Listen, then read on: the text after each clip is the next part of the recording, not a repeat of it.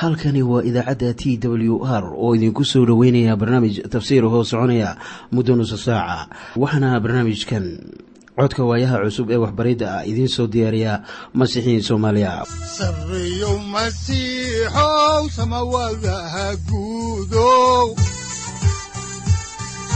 Siraadkii adduunkow subanaha eebow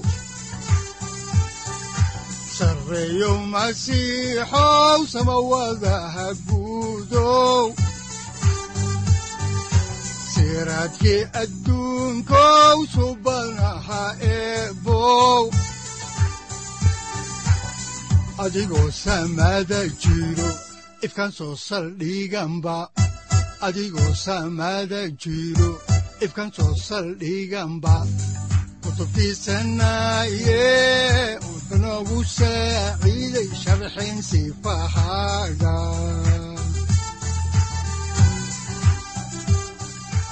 ku soo dhowaada dhegaystayaal barnaamijkeenna dhammaantiinba. Waxaan horay u sii ambaqaadi doonnaa daraasaadkii la magac baxay baibalka dhammaantii. Waxaannu caawa idiin sii wadi doonnaa barashada kitaabka falimaha rasuullada. Kitaabka falimaha rasuullada waa kitaab taariikhi ah oo ay tahay in qof waliba wax uu ka barto si uu ku garto taariikhda kitaabka ahdiga cusub. Waxaanan caawa idiin sii wadi doonnaa cutubka toddoba iyo labaatanaad oo aynu kaga gudbi doonno kan siddeed iyo labaatanaad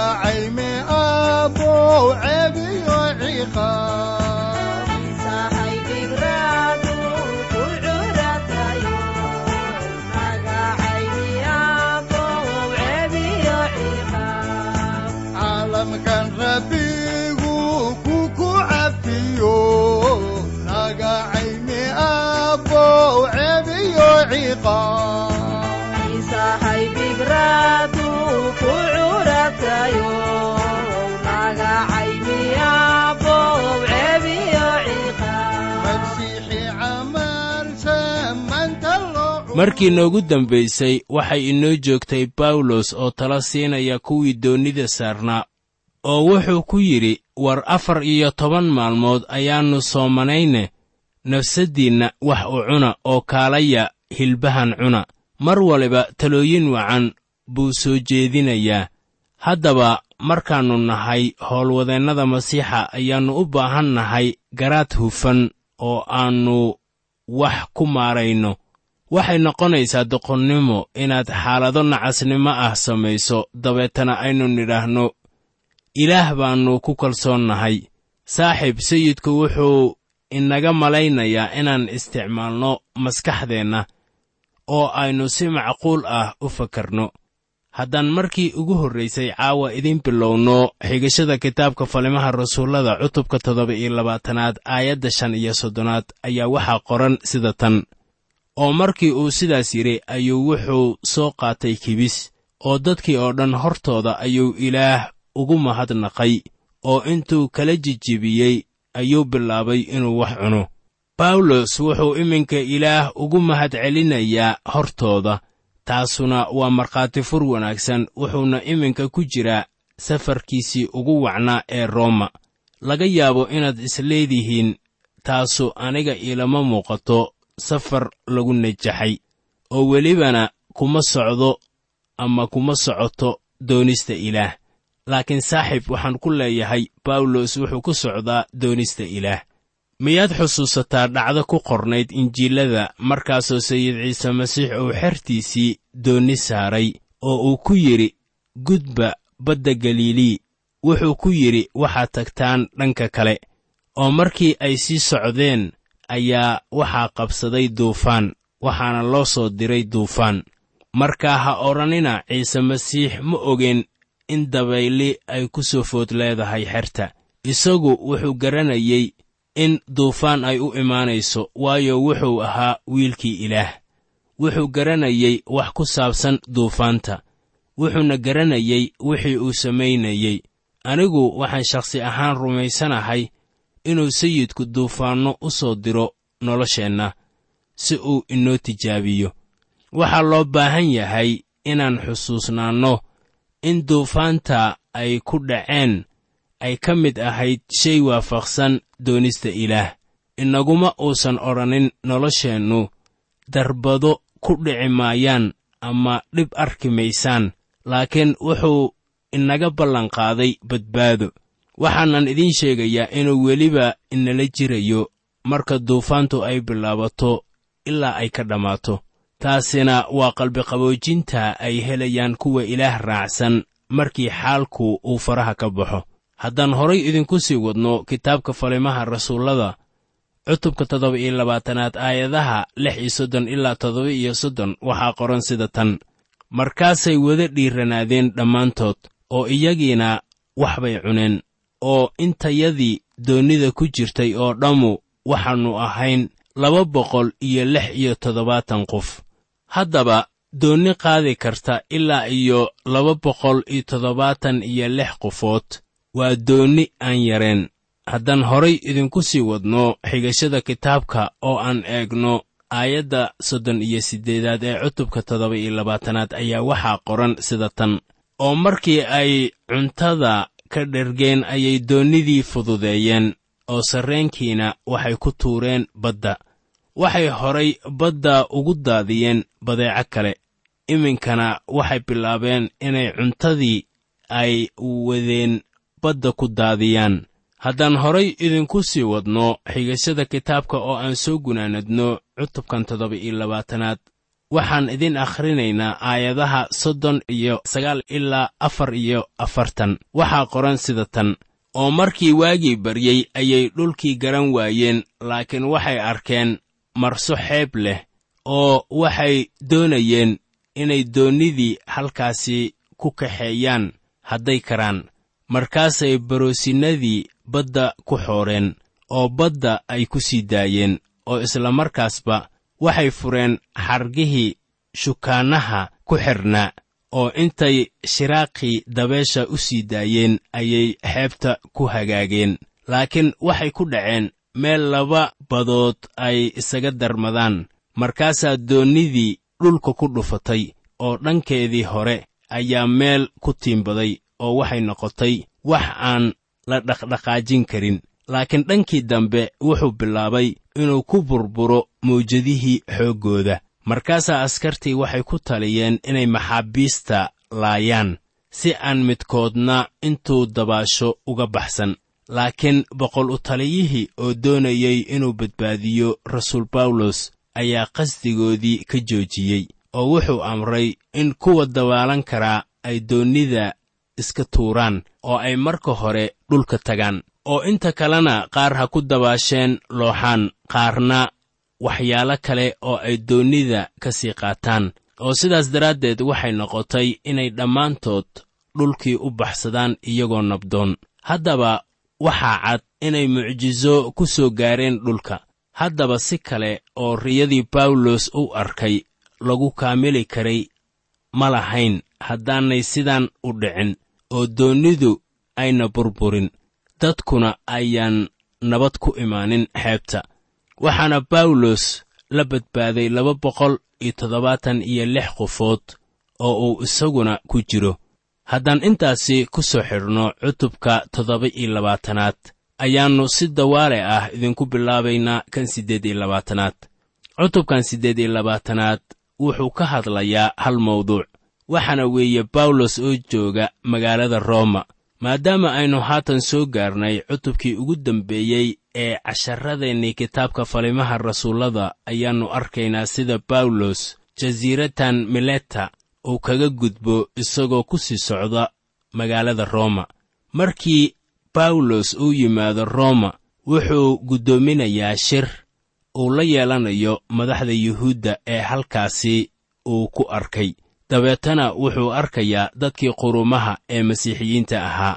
Haddaba qisada halkaasi lagu gunaanadi maayo laakiin waxay ku soo dhammaanaysaa bawlos oo ka wacdinaya magaalada rooma falimaha ruuxa quduuska ah weli ma dhammaan xitaa maalmaheenna.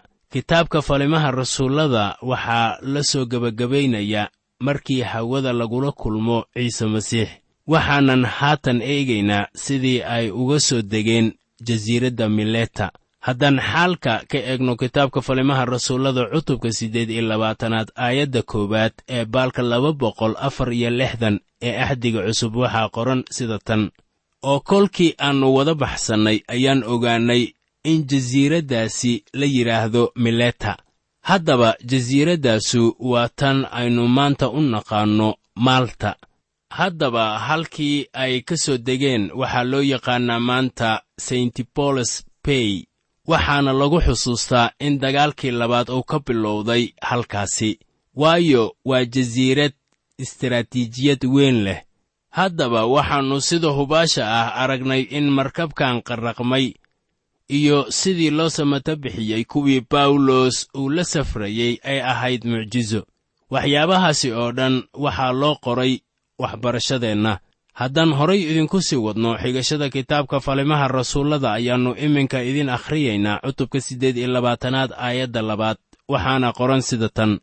Oo barbariyiintii waxay na tuseen raxmad qaas ah waayo iyagu waxay shideen dab oo dhammaantayana way na soo dhoweeyeen sababtuna waa roobkii wakhtigaasi jiray daraaddiis iyo dhaxantii daraaddeed haddaba way inaga qoslinaysaa in ditor luukos dadkii magaalada uu ugu yeedho barbaariyiin. Kelmadda barbar ayaa waxaa lagu macnayn jiray dadka aan ku hadli karin afka giriigta laakiin macnuhu ma ahan inay dad xun ahaayeen. Waxaanan markaasi halkan ku arkaynaa dhacdo naxariis badan iyo wanaag ay muujinayaan qabiiladan karaahiyada ah waxaad haddaba xusuusataa inay jireen laba boqol iyo toddobaatan iyo lix qof oo ku soo degay jasiiraddan yar oo badankood dadkaasina waa maxaabiis loo waday dalka rooma si loo soo ciqaabo. Waxaanse inta ku arkaynaa kalgacayl iyo naxariis dadkan lagu sheegay barbaariyiintu ay muujinayaan.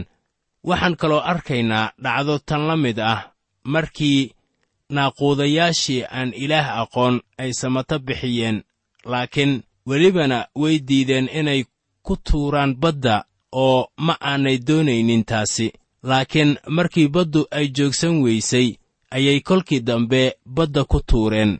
Mararka qaarkood kuwa lagu sheego inay karaahiyayaal yihiin oo aan diinta lahayn ayaa ka raxmad badan kuwa isku sheegaya inay raxmad leeyihiin haddaan horay idinku sii wadno xigashada kitaabka ayaa waxaa qoran cutubka siddeed iyo labaatanaad aayadda saddexaad sida tan. Laakiin bawlos ayaa soo ururshay xaabo badan oo wuxuu saaray dabka. Kolkaasaa kulaylka daraaddiis waxaa soo baxay jilbis oo gacantiisu ku dhegay. Waad xusuusataan baan filayaa in dhammaadka injiilka sida markos uu u qoray laynagu siiyey ballan caaqibo leh. Haddaan idinku celiyo intaynaan idin tafsiirin aayadda ayaa waxaa ku qoran injiilka sida markos uu u qoray cutubka lix iyo tobanaad aayadaha toddoba iyo toban ilaa siddeed iyo toban sida tan. Calaamooyinkiinnana ayaa la socon doona kuwa rumaysta. Magacayga ayay jinniyo ku saari doonaan. Afaf cuscusubna ayay ku hadli doonaan abeesooyin ayay qaadi doonaan oo hadday cabaan wax lagu dhimanayo waxba ma yeeli doono. Gacmo ayay kuwii buka dul saari doonaan wayna bogsan doonaan. Haddaba calaamadahan waxay dhaqangal ahaayeen intaan injiilka la qorin laakiin kolkii dambe oo qorniinku uu bannaanka yimid waa kan axdiga cusube ayaa hadiyadahaasu ay soo dhammaadeen marka la yaab ma leh in bawlos gacantiisa uu mas ku dhego laakiin sidaan arki doonno waxba ma noqon doono. Hase yeeshee ma ahan in qofi maanta uu tijaabiyo inuu gacanta ku qaban karo mas. Waayo hadiyaddaasu way soo dhammaatay. Markaana bawlos maba uusan ogayn in qoryihii uu shidayey uu mas ku jiray. Sababtaas aawadeed isagu qasad maska gacanta uguma uu qabsan ee maska ayaa ku soo orday oo qaniinay. Waxaan kaloo garanaynaa in bawlos araggiisu uusan fiicnayn. Waxaan markaasi doonayaa inaan idin hoga tusaaleeyo shay kale. Waxaana weeye in haatan rasuul bawlos oo qoryo soo gurayo. Dadkii jasiiradduna way u roonaadeen oo dab bay u shideen. Waxay qaabileen laba boqol iyo toddobaatan iyo lix qof oo qallaad oo ka soo degay xeebahooda waxaana dhacayay roob iyo qabow badan. Markii dabkii uu ku dhowaa inuu baso ayaa bawlos u aaday inuu soo guro qoryo. Waxaana tanu ay muujinaysaa inaannu bawlos marnaba caajisnimo lagu tilmaamin. Wuxuu leeyahay anigu waxaan ahay mid teendhooyinka sameeya si aanan culays u saarin kiniisadda waxaana caddaan noqonaya inaan shaqada ka cabsan marnaba markii bawlos qoryihii uu ku riday dabka ayaa mas uu ka soo dhex baxay dabka. Haddaba ma aannu qaniinin oo keliya laakiin wuxuu isku duubay gacantiisa. Haddaan horay idinku sii wadno xigashada kitaabka oo aan eegno aayadda afaraad ee cutubka siddeed iyo labaatanaad ee falimaha rasuullada ayaa waxaa qoran sida tan. Oo barbariyiintiina markay arkeen bahalka gacantiisa ka laadlaaday ayaa midkoodba wuxuu midkii kale ku yidhi shakila'aan ninkanu waa nin dhiig qaba waayo in kastoo uu baddii nabdoonaan kaga baxsaday haddana xaqnimadu uma oggolaan inuu sii noolaado. Haddaba erayga giriigga ah ee aarsasho ayaa lagu macneeyaa caddaalad waxaanay yidhaahdeen caddaaladda ayaa u diidday inuu sii noolaado marka dhanka kale laga eego ayay la noqotay in bawlos uu ku eedaysnaa dembi weyn waxaana dhulka soo dhigay nabsigii uu galay. Waxay yidhaahdeen wuxuu ka baxsaday inuu badda ku dhinto laakiin iminka ayuu u dhimanayaa micida jilbiska. Waxaan qiyaasayaa inay dhammaantood wada fadhiisteen oy ogaayeen sida uu u soo dhacayo. Waxay filayeen inuu daqiiqad waliba dhulka ku soo dhacayo oo gacanta ay bararayso oo uu dhulka ku soo dhacayo. Waxay garanayeen in dadkooda ay sidaas u dhiman jireen markii maskan oo kale uu qaniino. Bawlosna inaannu baxsanaynin bay la ahayd. Waxaad haddaba ogaataa wixii ku dhacay caddaaladdii ay malaynayeen ama nabsigii ay islahaayeen bawlos wuu qabtay. Waxay la ahayd inuu gacan kudhiigla ahaa kaasoo u qalma dhimasho. Haddaba dhacdadan waxay inoo muujinaysaa in dhulka reer rooma oo dhaniba caddaaladda maanka lagu hayey reer rooma waxaa lagu yaqaannay caddaaladda laakiin arxan ma lahayn. Dembiyadana lama cafin jirin. Haddii aad sharciga jebiso waa inaad bixisaa ciqaabtii dembiga. Haddaba gacantii birta ahayd ee ay dunida ku hayeen ayaa keentay in dadkii dunida ay u qayliyaan ama ay u baroortaan ama ay raadiyaan naxariis. Taasina waxa ay la kowsanaysaa imaanshaha masiixa oo u imaanaya sida badbaadiyaha dembiga. Si dadka ay u gartaan naxariista iyo cafiska ama masaamaxa ilaah. Haddaan horay idinku sii wadno xigashada oo aan haatan eegno kitaabka falimaha rasuullada cutubka siddeed iyo labaatanaad aayadaha shan ilaa lix waxaa qoran sida tan. Hase yeeshee bahalkii ayuu dabka iskaga tuuray oo innaba waxyeello ma gaarin isagii. Laakiin iyagii waxa ay filanayeen inuu haddiiba bararo ama uu markiiba dhaco isaga oo meyd ah. Laakiin kolkii ay wakhti dheer dhowrayeen oo ay arkeen inaan waxyeello ku dhicin isagii ayay fikirradoodii beddeleen oo waxay isku yidhaahdeen isagu waa ilaah. Haddaba ballankii ku qornaa injiilka sida markos uu u qoray cutubka lix iyo tobanaad aayadda siddeed iyo tobanaad ayaa waxaa lagu kaamilay bawlos wax ay micidaasu u geysatay ma lahayn. Haddaba haddii maanta qof inta mas uu kor u xambaarto yidhaahdo ballankii ilaah ayaan haystaa oo masku wax yeeli maayo ayaa aan idiin sheegayaa inuu qofkaasu qaldan yahay oo uu ka fog yahay danniga ilaah. Markii ay arkeen inaannu bawlos dhaawacmin ayay la noqotay inaannu dembiile ahayn laakiin uu yahay ilaah.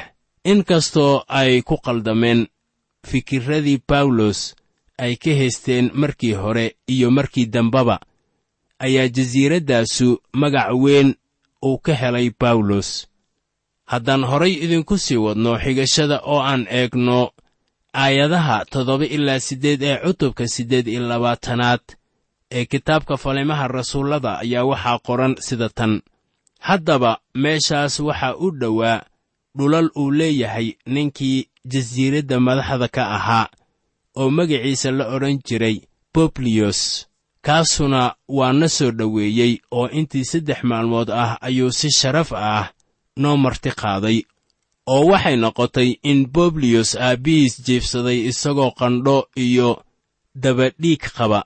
Markaasaa bawlos isagii uu u galay oo intuu u duceeyey ayuu gacmihiisa saaray oo wuu bogsiiyey isagii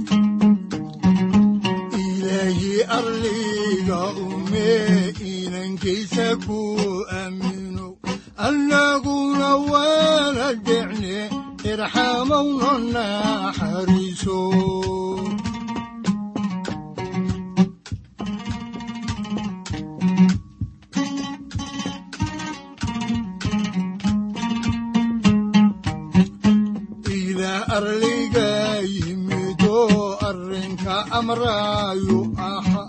Iminka ayaan ogane irxamowno naxariiso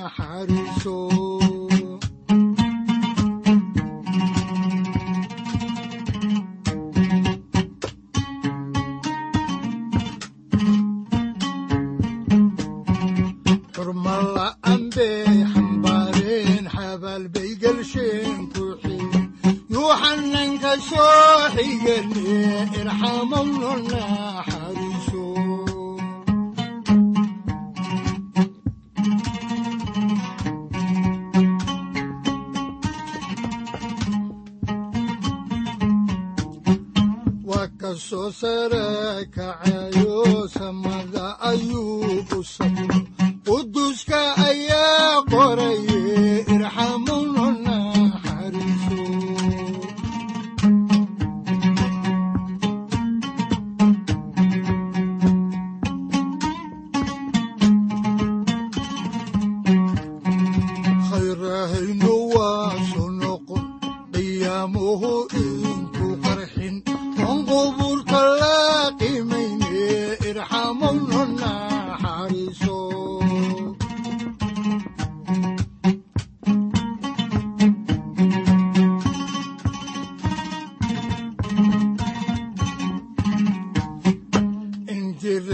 injiraacdayuu ajiiba agtiisa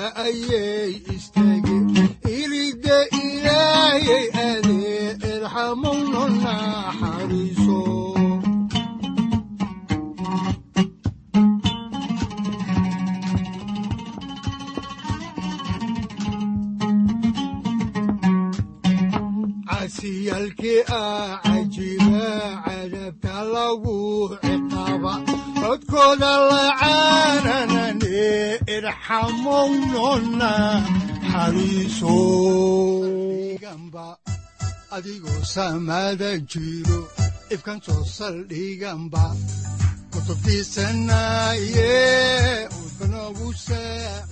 halkani waa t w r idaacadda t w r oo idinku leh ilaa ha idin barakeeyo oo ha idinku anfaco wixii aad caawi ka maqasheen barnaamijka. Waxaa barnaamijkan oo kalea aad ka maqli doontaan habeen dambe. Hadahan oo kale haddiise aad doonaysaan in aad fikirkiina ka dhiibataan wixii aad caawi maqasheen ayaad nagala soo xiriiri kartaan som t w r at t w r c o k e haddii aad doonaysaan in aad dejiisataan oo kaydsataan barnaamijka ama aad mar kale dhegaysataan fadlan mar kale booqo www t w r o r g. Amase www t t b t w r o r g. Amase waxaad teleefoonkaaga ku kaydsataa ama ku download garaysataa agabyada ku sahli karaa dhegeysiga t w r haddii aad doonayso in laga kaalmeeyo dhinacyada fahamka kitaabka amase aad u baahan tahay duco fadlan fariimahaaga soo mari bogga aaraahda ama kommentska inana jawaab degdeg ah ayaanu ku soo diri doonaa amase ku siin doonaaye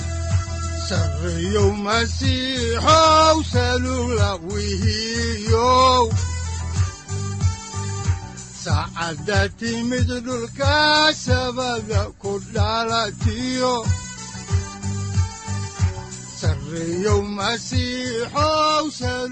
halkani waa t w r oo idiin rajaynaya habeen baraare iyo barwaaqaba leh.